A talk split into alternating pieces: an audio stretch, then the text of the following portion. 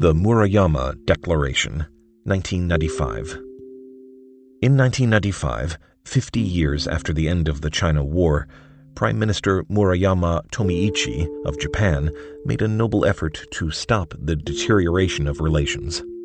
After tensions reached a peak when China ignored Japan's request that it end its nuclear testing, Prime Minister Murayama, who served from June 30, 1994 to January 11, 1996, was the first non LDP leader to be prime minister since 1955. A socialist who led a coalition government, he was a modest and popular leader, the son of a fisherman from Beppu on the northeast coast of Kyushu. He had long believed that Japan should acknowledge the atrocities of World War II.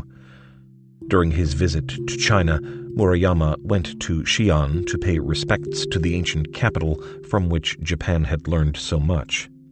He also visited the Marco Polo Bridge, where war had broken out in 1937, to show his empathy for the Chinese suffering during the war and to apologize for Japan's aggression. On August 15th, to mark the 50th anniversary of the end of World War II, Prime Minister Murayama gave a speech drafted by Tanino Sakutaro, formerly ambassador to China, expressing his hopes for close cooperation between China and Japan in the 21st century. Murayama declared Japan, following a mistaken national policy, advanced along the road to war and, through its colonial rule and aggression, caused tremendous damage and suffering to the people of many countries. Allow me once again to express my deep remorse and state my heartfelt apology. I would like to reaffirm once more that the Japanese people are firmly determined that Japan will never become a military power. His speech was the fullest apology that a top Japanese leader had ever given for Japanese aggression during World War II. In the future, other Japanese prime ministers would repeat parts of the speech. Murayama was warmly welcomed in China by President Jiang Zemin and Premier Li Peng. In September 1997, to further reduce tensions, Murayama's successor, Prime Minister Hashimoto Ryutaro, traveled to Beijing to celebrate the 25th anniversary of the normalization of relations. Prime Minister Hashimoto offered reassurances that the U.S. Japan Security Treaty was not aimed at China and he confirmed that Japan did not support Taiwan's independence from mainland rule. Jiang Zemin's visit to Japan, 1998. On the 20th anniversary of the Treaty of Peace and Friendship and Deng Xiaoping's 1978 visit to Japan, President Jiang Zemin made the first formal state visit by a Chinese leader to Japan in the history of the two countries. When Deng had visited Japan in October 1978, he was not officially China's top leader, and therefore he had not been received with the protocol of a formal state visit. Jiang Zemin had visited Japan briefly in 1992, before he was president, to help arrange the Japanese emperor's visit to China. This time, during his full six day state visit from November 25th to 30th, Jiang was welcomed by Prime Minister Obuchi Keizo, treated with formal banquets, welcomed by Emperor Akihito, hosted by political and business leaders, and escorted by Prime Minister Obuchi on trips to Sendai and Hokkaido. The visit was planned to solidify good relations between the two countries, but in the end it led to heightened tensions. The state visit by Jiang Zemin was originally scheduled to take place before a visit to Japan by South Korean President Kim Dae-jung, but serious flash floods in China caused Jiang to delay his trip until after Kim's visit. President Kim's time in Japan was highly successful, and by comparison, Jiang's visit was judged to be less so. In his speech to the Japanese Diet on October 8th, Kim Dae-jung, who 25 years earlier had been kidnapped in Tokyo by Korean political enemies and had nearly been killed when he was on a small boat headed toward Korea, thanked the Japanese for helping to save his life. He said that when Japan had pursued an imperial path, it had caused great pain to the people of Korea and other nations But, speaking in Japanese, he acknowledged that Japan had changed after World War II, and he said that he looked forward to future cooperation. Kim's message created a high point of goodwill between Korea and Japan. Prime Minister Obuchi and the Japanese public were moved by Kim's message, and the leaders signed a joint declaration in which Obuchi expressed deep remorse for Japan's behavior during its occupation of Korea. When Jiang Zemin visited Japan, five years into the period of rapid Chinese growth that had resumed in 1993, he was representing a China that was increasingly confident and had just weathered the Asian financial crisis of 1997 with far less damage than Japan. China was also less worried that the United States might side against it with Japan. In June, President Clinton had made a 10 day visit to China to strengthen Sino U.S. relations, and despite urging from Japanese officials, he had not stopped in Japan on the way home. Before Jiang Zemin's visit, Chinese and Japanese officials engaged in negotiations on the content of the statement the two sides would sign while Jiang was in Tokyo were close to agreeing on a declaration that would enable Japan to express remorse without making a lengthy apology. But after Japan signed the long written apology with President Kim, Chinese officials requested that Japan sign a similar apology to China. To Jiang and the overwhelming majority of the Chinese people, Japan had not done enough to apologize for its history. Prime Minister Obuchi did say during Jiang's visit the Japanese side is keenly conscious of the responsibility for the serious distress and damage that Japan caused to the Chinese people through its aggression against China during a certain period in the past, and expressed deep remorse for this. But Jiang did not regard this as sufficient. What Jiang did not realize was that the Japanese mood had been changing the Japanese were tiring of China's continued lecturing about Japan's atrocities and its endless requests for apologies, its failure to acknowledge the apologies Japan had made, and its unwillingness to heed Japan's requests, for its part, that China refrain from nuclear tests. Some Japanese were upset that in Japan, Jiang thanked the Japanese for the aid it had given China, but that this expression of appreciation was not reported in the Chinese press. During his state visit, a portion of Jiang Zemin's evening banquet with Emperor Akihito was televised. In his brief presentation at the banquet, Jiang Zemin gave his opinions on how Japan should view history. To the Chinese, Jiang's comments were appropriate, but to the Japanese it was highly inappropriate to use a banquet, which was meant to be a ceremonial occasion, for what seemed to them like a lecture by a teacher telling a pupil what he should do. Reports by Japanese journalists covering Jiang's visits, reflecting growing irritation, heightened the perception of increasing Chinese arrogance. When Jiang pressed Prime Minister Obuchi to sign a written statement like the one he had signed with Kim Dae Jung, Jiang expected that, as in the past, Japan would yield. However, Obuchi chose to give an oral apology and not a written one. The Prime Minister's refusal to sign a written apology reflected his political judgment that the Japanese public was tired of China's lectures, and his judgment turned out to be correct. To the Chinese, it showed that the Japanese were denying history and failing to show proper respect for the Chinese leader. Despite these tensions, during Jiang's visit, Japanese and Chinese officials did discuss ways in which the two countries might work together. They signed a joint declaration for cooperation in 33 areas, covering exchanges of officials, economic and scientific collaborations, cultural exchanges, and environmental projects. This declaration paved the way for the implementation of many cooperative efforts. After mainland China was given the China seat in the United Nations in 1971, taking over the seat previously held by the Republic of China on Taiwan, Japan generally supported China's participation in UN activities and in East Asian regional affairs. Although China opposed Japan's permanent membership on the UN Security Council, It supported meetings with Japan in the Association of Southeast Asian Nations, ASEAN Plus 3, which was just being launched. After Jiang's visit, Japanese trade and investment in China continued to grow. In 1999, two way trade between Japan and China totaled $66 billion, four times the amount in 1990.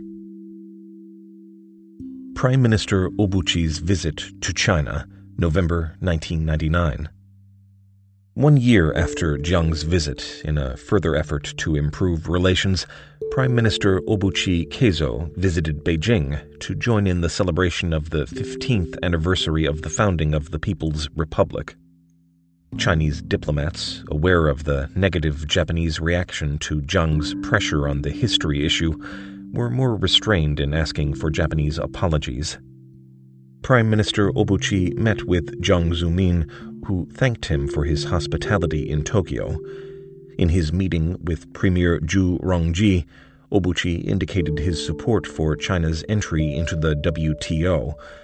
He continued to promote the 33 areas of cooperation that had been designated during Jiang's visit to Japan, and he offered Japanese assistance for several programs, in particular those in Inner Mongolia, in which he expressed a personal interest.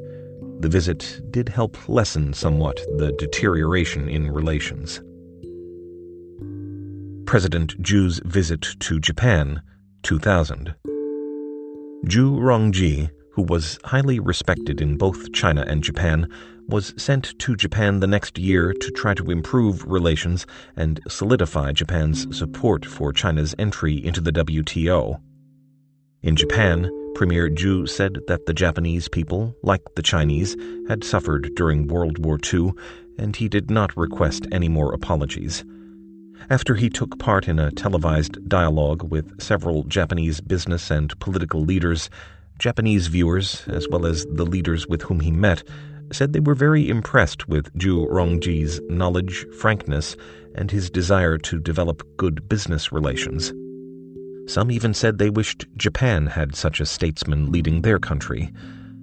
Officials on both sides acknowledged that the visit helped improve relations. Public opinion polls shortly after Zhu's visit reflected a modest improvement in overall Japanese attitudes toward China. Slightly more Japanese respondents had positive opinions of China than had negative opinions. Prime Minister Koizumi Junichiro and the Yasukuni issue, 2001 to 2006. Shortly after he became Prime Minister in 2001, Koizumi tried to find a balance between resisting Chinese pressures and apologizing for Japan's role in World War II. His political ally, Kato Koichi, consulted with Chinese officials who advised him that if Koizumi were to visit the Yasukuni Shrine on August 13, 2001, instead of on August 15th, the official anniversary of the end of the war, Chinese reaction would be less strong. Still, when Koizumi visited the Yasukuni Shrine on August 13, 2001, the Chinese press was very critical of the visit and demanded that Koizumi not visit the shrine again. The Chinese nonetheless allowed Koizumi to visit China shortly after his visit to the shrine, and on that trip he went to the Marco Polo Bridge Museum, where he acknowledged that Japan was wrong to start the war and apologized to the Chinese people. After that, Koizumi visited the Yasukuni Shrine each year. In 2006, following attacks on Japanese property and Japanese people in China, Koizumi made his final visit to the Yasukuni shrine. He knew that within several years China would have an economy larger than Japan's, but he would not bow down. He made his final visit to the Yasukuni shrine on August 15th, the anniversary of the end of the war, a date that would especially annoy the Chinese. He said, I do not go to justify the past war or to glorify militarism. I go with the feeling that we should not wage war again, and that we must not forget the sacrifice of those who went to war and died. I am not going there for the Class A war criminals. The Chinese Ministry of Foreign Affairs announced that Koizumi's visit had hurt the feelings of the Chinese people and undermined the political basis for ties between China and Japan. To the Japanese, the issue behind whether their prime minister should visit the Yasukuni shrine was not whether Japan was guilty of crimes during World War II, for the Japanese public accepted that. Rather, as Koizumi told Professor Gerald Curtis, it was that no one, Japanese or foreign, could tell him that he should not pay respect to the Japanese soldiers who had sacrificed their lives for their country. His insistence on visiting the Yasukuni shrine was popular with the Japanese public, but to the Chinese, Koizumi's visits to the Yasukuni shrine symbolized what they saw as a Japanese respect for militarists, the Japanese people's unwillingness to face their history, and an unacceptable refusal to respect Chinese requests, especially at a time when China was ascendant and its economy was beginning to pass Japan's. Within Japan, some officials and newspapers were critical of Koizumi for causing tensions with the Chinese and Koreans due to his visits to the Yasukuni shrine, but within Japan he remained popular. While Koizumi was in office from 2001 to 2006, Sino Japanese relations reached a new post war low. President Hu Jintao's efforts to improve relations, 2003. In China, Hu Jintao, who had become president in 2003, made an effort to improve relations with Japan. In the 1980s, he had been one of the Chinese youth welcoming a delegation of 3,000 young people from Japan and he had maintained contact with some of the Japanese he had met. He did not publicly say that China should improve relations with Japan, but he allowed books and newspaper articles to be published that were more sympathetic to Japan than the prevailing Chinese mood. In April 2002, even before Hu took office, the Chinese General Administration of Press and Publications gave permission for the publication of a book by Pei Hua titled Zhongri Waijiao Fengyunzhong de Deng Xiaoping, Deng Xiaoping amid changing Sino-Japanese relations, which, by presenting an accurate account of Deng Xiaoping's trip to Japan in October 1978, was sympathetic to the Japanese who had received him. Also in 2002, Ma Licheng, a senior writer for People's Daily, who had earlier worked at China Youth Daily, was dispatched to Japan for more than a month, assigned to write a report on what he observed in Japan. His article, New Thinking on Relations with Japan, appeared at the end of the year in the Chinese journal Zhanlüe yu Guanli, Strategy and Management, a publication with high level sponsorship that was noted for fresh thinking on strategic issues. Ma reported that, contrary to conventional Chinese views, in conversations with Japanese people from many different circles, they all said they opposed militarization and they all wanted to pursue peace. He also noted that in 1980, 78% of Japanese people said they had favorable impressions of China, but by 2000, the percentage had dropped to 49%. Nevertheless, Japanese people from all circles still wanted to have friendly relations with China. In 2003, Zhanlüe yu Guanli published an article by Shi Yinghong, a strategist with a military background who was also a professor at People's University, that asserted that better Sino Japanese relations were in China's interest and that China should support Japan in its bid to become a permanent member of the UN Security Council. For several months following these publications, it appeared as if Sino Japanese relations might improve. China also undertook the production of a television series in 2003 on the rise and decline of the great powers. It was a thoughtful, well researched effort to provide guidance to the public as China was on its way to becoming a great power. The series was aired on Chinese television in 2006. The series presented a balanced and respectful treatment of other countries, including Japan to be sure, the section on Japan talked of World War II and Japanese aggression, but it also discussed how Japanese industrialization had created better living conditions for its people. The views on Japan, published by Ma Licheng and Shi Ying-hong, were available in the Chinese media for several years, but they never became part of the mainstream. After 2003, their writings attracted less attention, and in 2004, when passions between China and Japan again heated up, some even referred to Ma and Shi as traitors. Ma Licheng never gave up his views, but finding it difficult to work in the mainland, he later moved to Hong Kong.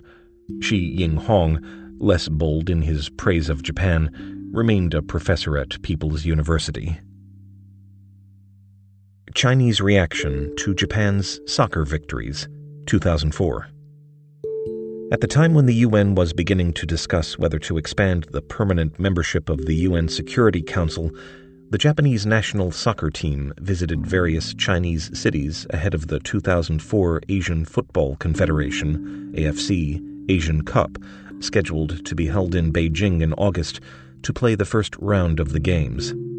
In each city, the Japanese team won the matches, and passionate demonstrations erupted against the Japanese. In the Asian Cup final in Beijing, Japan's victory over China, 3 to 1, led to boisterous attacks against Japanese people and Japanese products. Chinese police escorted the Japanese team to safety, but the angry crowds continued to demonstrate, jostling the car of a Japanese diplomat and breaking its window. Similar demonstrations took place in several other cities, and scenes of the angry crowds were played and replayed on Japanese television. Emotional expressions of animosity and nationalism in both countries reached a high pitch. Before the emotions died down, the issue of Japan's place in the UN came to a head. China blocks Japan in the UN Security Council, 2005. In March 2005, during discussions concerning the upcoming decision on the future permanent membership of the UN Security Council, Secretary General Kofi Annan said that he supported Japan's membership, and it appeared that Japan had the support of more than the two thirds majority of UN members required for approval. The decision also required the support of all existing permanent members of the Security Council, so China, which had become a permanent member when the UN was first formed immediately after World War II, had the power to prevent Japan from becoming a permanent member. To cast the sole negative vote against Japan would have made China appear vindictive at a time when it was seeking to improve its international stature as a rising power. Chinese diplomats encouraged officials in the Southeast Asian countries, which had also suffered from Japanese aggression during the war, to oppose Japan's membership as well. On April 12th, China's Premier Wen Jiabao, in registering his opposition to Japan's permanent membership on the UN Security Council, said that only a country that respects history can assume responsibility in the international community to patriotic Chinese familiar with their history, it was a wonderful reversal of the events of 1920, when Japan became a permanent member of the League of Nations Council and China had to compete to be elected as a non permanent member, and of the period prior to 1971, when Japan supported the United States in preventing mainland China from replacing Taiwan in the UN's China seat.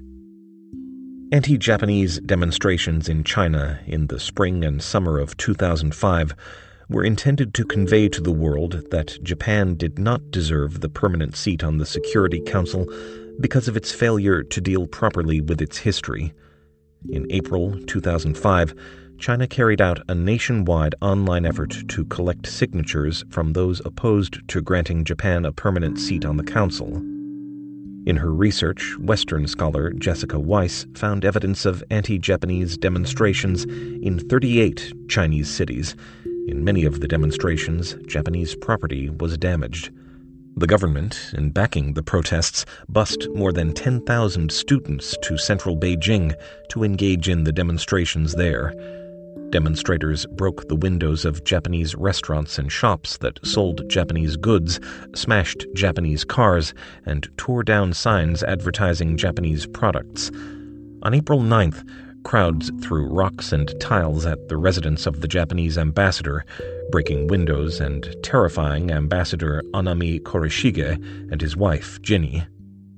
Police prevented the demonstrators from scaling the fence to enter the ambassador's property, but for hours they did nothing to stop the demonstrators from throwing rocks.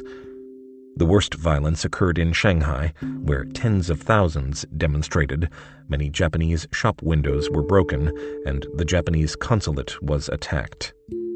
Chinese officials expressed admiration for the patriotism of Chinese students during the demonstrations, although they then tried to dampen the protests by warning the students against taking illegal actions. After it became clear that Japan would not be admitted as a permanent member of the UN Security Council, the demonstrations died down. Japanese diplomats felt betrayed by China. Japan had supported China's entry into the WTO and other world organizations, and yet Chinese officials had stirred up popular anti Japanese sentiment among the Chinese public and in Southeast Asia to block Japan, the second largest economy in the world and the world's second highest contributor to the UN, from becoming a permanent member of the Security Council. In December 2005, following the demonstrations in China, a Yomiuri poll showed that 72% of Japanese respondents did not trust China. Japanese public opinion did not regain the level of positive feelings toward China that had been expressed before the attacks and China's opposition to making Japan a permanent member of the UN Security Council. Easing Tensions and Olympic Diplomacy, 2006 to 2008.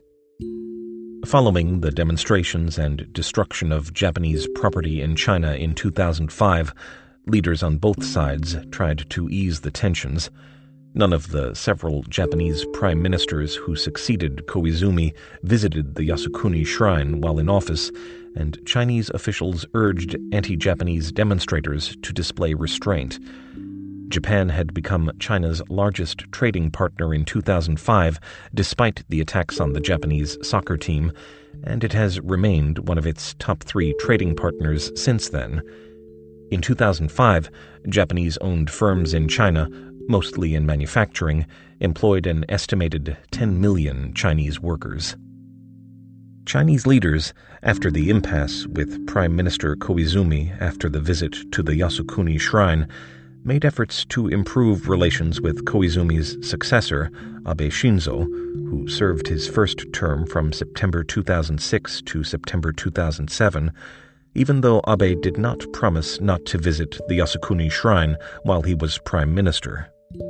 Ordinarily, a newly installed Japanese prime minister would make his first foreign visit to the United States, but on October 8, 2006, only two weeks after becoming prime minister, Abe Shinzo was welcomed in Beijing for a summit meeting. At the meeting, Abe apologized to the Chinese for the enormous damage and pain that Japan had caused China during the Sino Japanese War. President Hu Jintao, aware that Chinese pressure on Japanese leaders not to visit the Yasukuni shrine had led to a deadlock in relations, avoided publicly pressing Abe on the issue, and Abe chose not to visit the shrine. Hu and Abe agreed to set up a panel of experts, with representatives from both sides, to undertake a joint study on the history problem, a project that was led by Bu Ping and Kitaoka Shinichi. As the time approached for the 2008 Beijing Olympic Games, Chinese leaders sought to ensure the full cooperation of all countries, including Japan.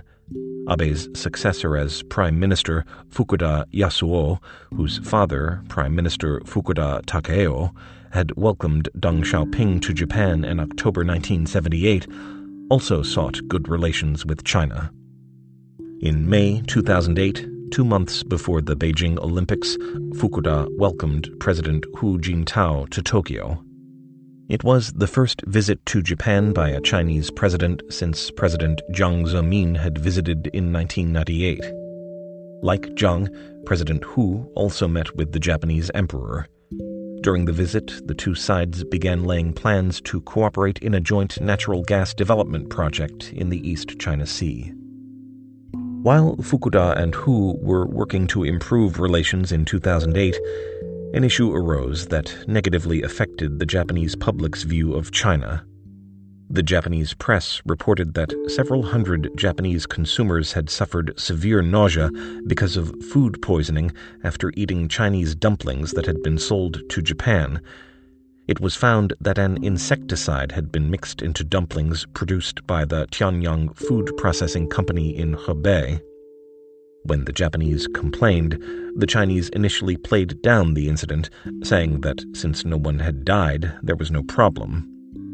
The Japanese were disturbed by the failure of Chinese officials to take responsibility. Explaining that they were acting for reasons of health safety, Japanese officials took several Chinese food products off the market. After some months, just before the Olympics, Chinese officials accepted responsibility, stopped the production of the dumplings, and recalled all dumpling exports. Eager for cooperation in preparing for the Olympics, the Chinese allowed the Japanese to send in rescue teams in response to the devastating earthquake that struck Wenchuan in Sichuan province on May 12, 2008, causing an estimated 69,000 deaths. Japan rushed in 61 workers to offer assistance, and next to Pakistan, it was the largest donor of funds for the victims the quick dispatch of assistance was welcomed. Although the Chinese did not publicly recognize the Japanese when rescue efforts were ended, they did give positive publicity to Japan for its contributions to aid earthquake survivors. Diet member Nikai Toshihiro, head of the assistance delegation, played a key role in leading other delegations to China to take part in preparations for the Olympics.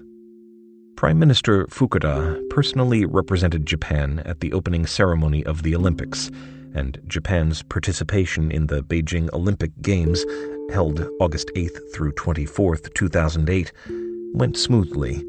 Fukuda was later appointed chairman of the Boao Forum for Asia, China's version of the Davos World Economic Forum, and since then, Fukuda has held more meetings with senior Chinese leaders than any other high level Japanese official. The Nadir of Sino Japanese Relations, 2010 to 2014. When Hatoyama Yukio of the Democratic Party of Japan became Prime Minister in September 2009, he announced that he wanted to move away from the Liberal Democratic Party's policy of depending on the United States make Asia the center of his policy, and develop better relations with China. Like Abe, he visited China before he visited the United States, and during his visit he offered a sincere personal apology for Japan's wartime behavior. Later, when he was no longer prime minister, he visited the Memorial Hall of the victims of the Nanjing Massacre to express sorrow for the atrocities caused by Japanese soldiers. Although the Japanese government had insisted that there was no dispute concerning Japan's sovereignty over the Senkaku Diaoyu Islands, Hatoyama Yukio said there was a dispute and that it had been caused by Japan rather than China. After less than nine months as prime minister, Hatoyama was replaced by the Democratic Party's Kan Naoto, who also sought to promote good relations with China. For years, Kan had been inviting Chinese students in Japan to his home for friendly visits. Yet, despite the stated willingness of the Democratic Party to maintain good relations with China and to take China's side in some key disputes, relations between the two countries reached their nadir in 2010 and 2012 while the party was in power. Collision at sea near the Senkaku Diaoyu Islands. 2010. Within weeks of the World Bank's announcement that the size of China's economy had passed Japan's, an incident occurred that led to a clash between the two countries. The incident was unplanned, and it was not resolved smoothly by officials on the spot, leading to a test of wills at the higher levels of government. As each side tried to force the other side to yield, the raw emotions of an aroused public came to the fore in both countries. Ultimately, China escalated the pressures it brought to bear beyond what was routine to resolve such issues, and Japan yielded. The confrontation ended within three weeks, but the passions it generated brought relations between the two countries to a new low. On September 7, 2010, a Japanese Coast Guard patrol boat noticed that a Chinese fishing trawler, the Minjinyu 5179, was seven and a half miles northeast of the disputed Diaoyu Senkaku Islands and within the territorial waters administered by Japan. After Japan had taken over administrative control of the islands in 1972, the two countries had reached an understanding that, to avoid incidents, Chinese ships would not enter Japan's territorial waters near the islands. If they were to enter by accident and a Japanese patrol boat asked them to leave, it was agreed that they would do so immediately. In this case, when the patrol boat demanded that the Chinese trawler leave Japan's territorial waters, the trawler did not move. The Japanese Coast Guard boat then demanded that Japanese officials be allowed to board the Chinese trawler to inspect it.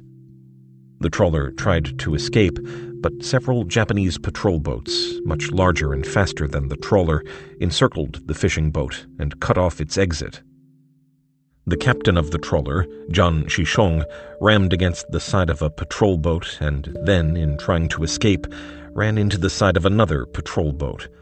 Thereafter, Japanese Coast Guard officials boarded the Chinese trawler and took the captain and the crew. It was later determined that the trawler's presence in the area had not been approved by Chinese officials, and in addition, the trawler captain was drunk. On the rare occasions when Japanese Coast Guard officials had picked up Chinese crew members near the Diaoyu Senkaku Islands, they had quickly returned them to China. This time, however, since the Chinese captain had damaged a Japanese boat, the Japanese explained that it was necessary to try the captain in a Japanese court. This news was quickly relayed to Beijing, where Chinese officials called in the Japanese ambassador, Niwa Uichiro, at 3 a.m. and demanded that the crew and the trawler be handed over to China immediately. Japan did not yield, and the day after the incident, the Chinese began carrying out demonstrations in front of the Japanese embassy in Beijing, the Japanese consulate in Shanghai, and some Japanese businesses. Chinese officials continued to demand that the Japanese promptly return the captain and the crew. On September 12th, five days after the incident, State Councilor Dai Bingguo again called in Ambassador Ni Niwa in Beijing and told him, Make a wise political decision and release the Chinese fisherman and trawler immediately.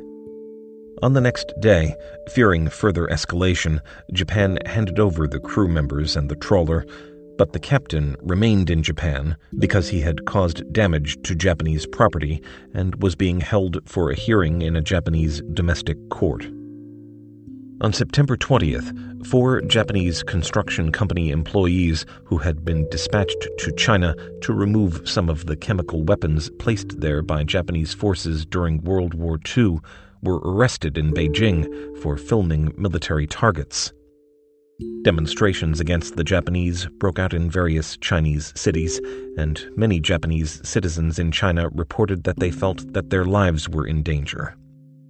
China, which then controlled 97% of the world's sources of rare earths, chemical elements necessary for the electronics industry, restricted the export of rare earths to Japan Japanese electronics companies immediately began discussions with other countries to expand the mining and production of rare earth metals elsewhere. Chinese officials encouraged Chinese citizens who had been planning to travel to Japan to cancel their trips. On September 19th, China announced that all high level exchanges with Japan would be frozen. On September 22nd, Premier Wen Jiabao, while in New York attending UN meetings, announced, I strongly urge Japan to release the ship captain, Zhan Qixiong, immediately and unconditionally. Wen Jiabao stated that China was prepared to take further measures and that Japan would bear all responsibility for the consequences.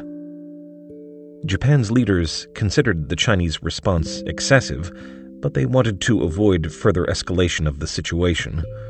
Two days later, Japanese officials, acknowledging that the tense situation was hurting Sino Japanese relations, released Zhan Qixiong to the Chinese without demanding that he stand trial.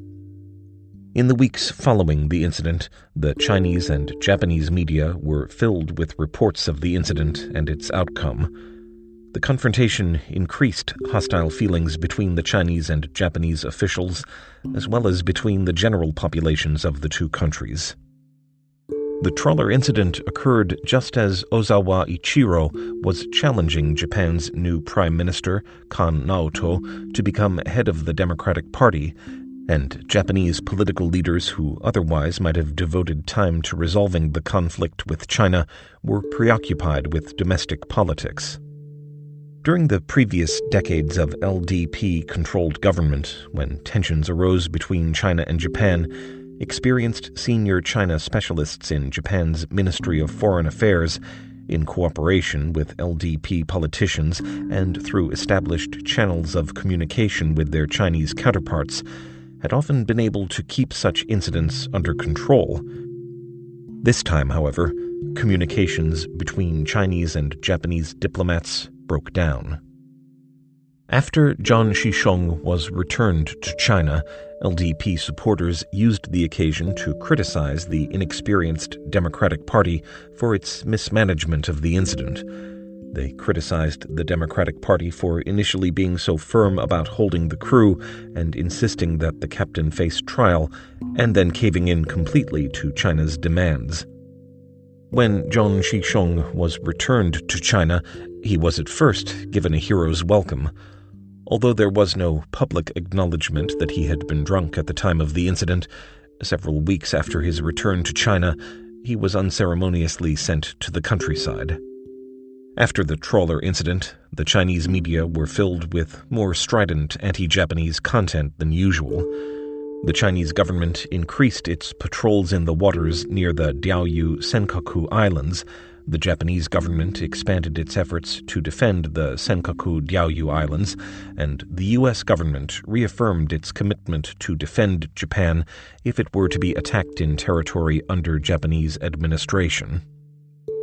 Between September 2008, before the confrontation over the trawler, and August 2012, China sent several ships into the 12 nautical mile territorial zone. Beginning in September 2012, China began sending more than 12 ships each month into the 12 nautical mile zone. Although China began decreasing the number of ships sent to this zone in August 2013, it still sent ships to the area each month. Tensions between the two countries eased slightly following the Tohoku earthquake of March 11, 2011. Just as Japan in 2008 had sent aid to China after the Sichuan earthquake, after the Tohoku earthquake, the Chinese promptly sent aid to Japan. In September 2011, when Noda Yoshihiko became prime minister, he quickly arranged for a two day visit to Beijing, during which time he expressed his appreciation for China's assistance after the earthquake. But relations between China and Japan remained far more tense than they had been prior to the trawler incident.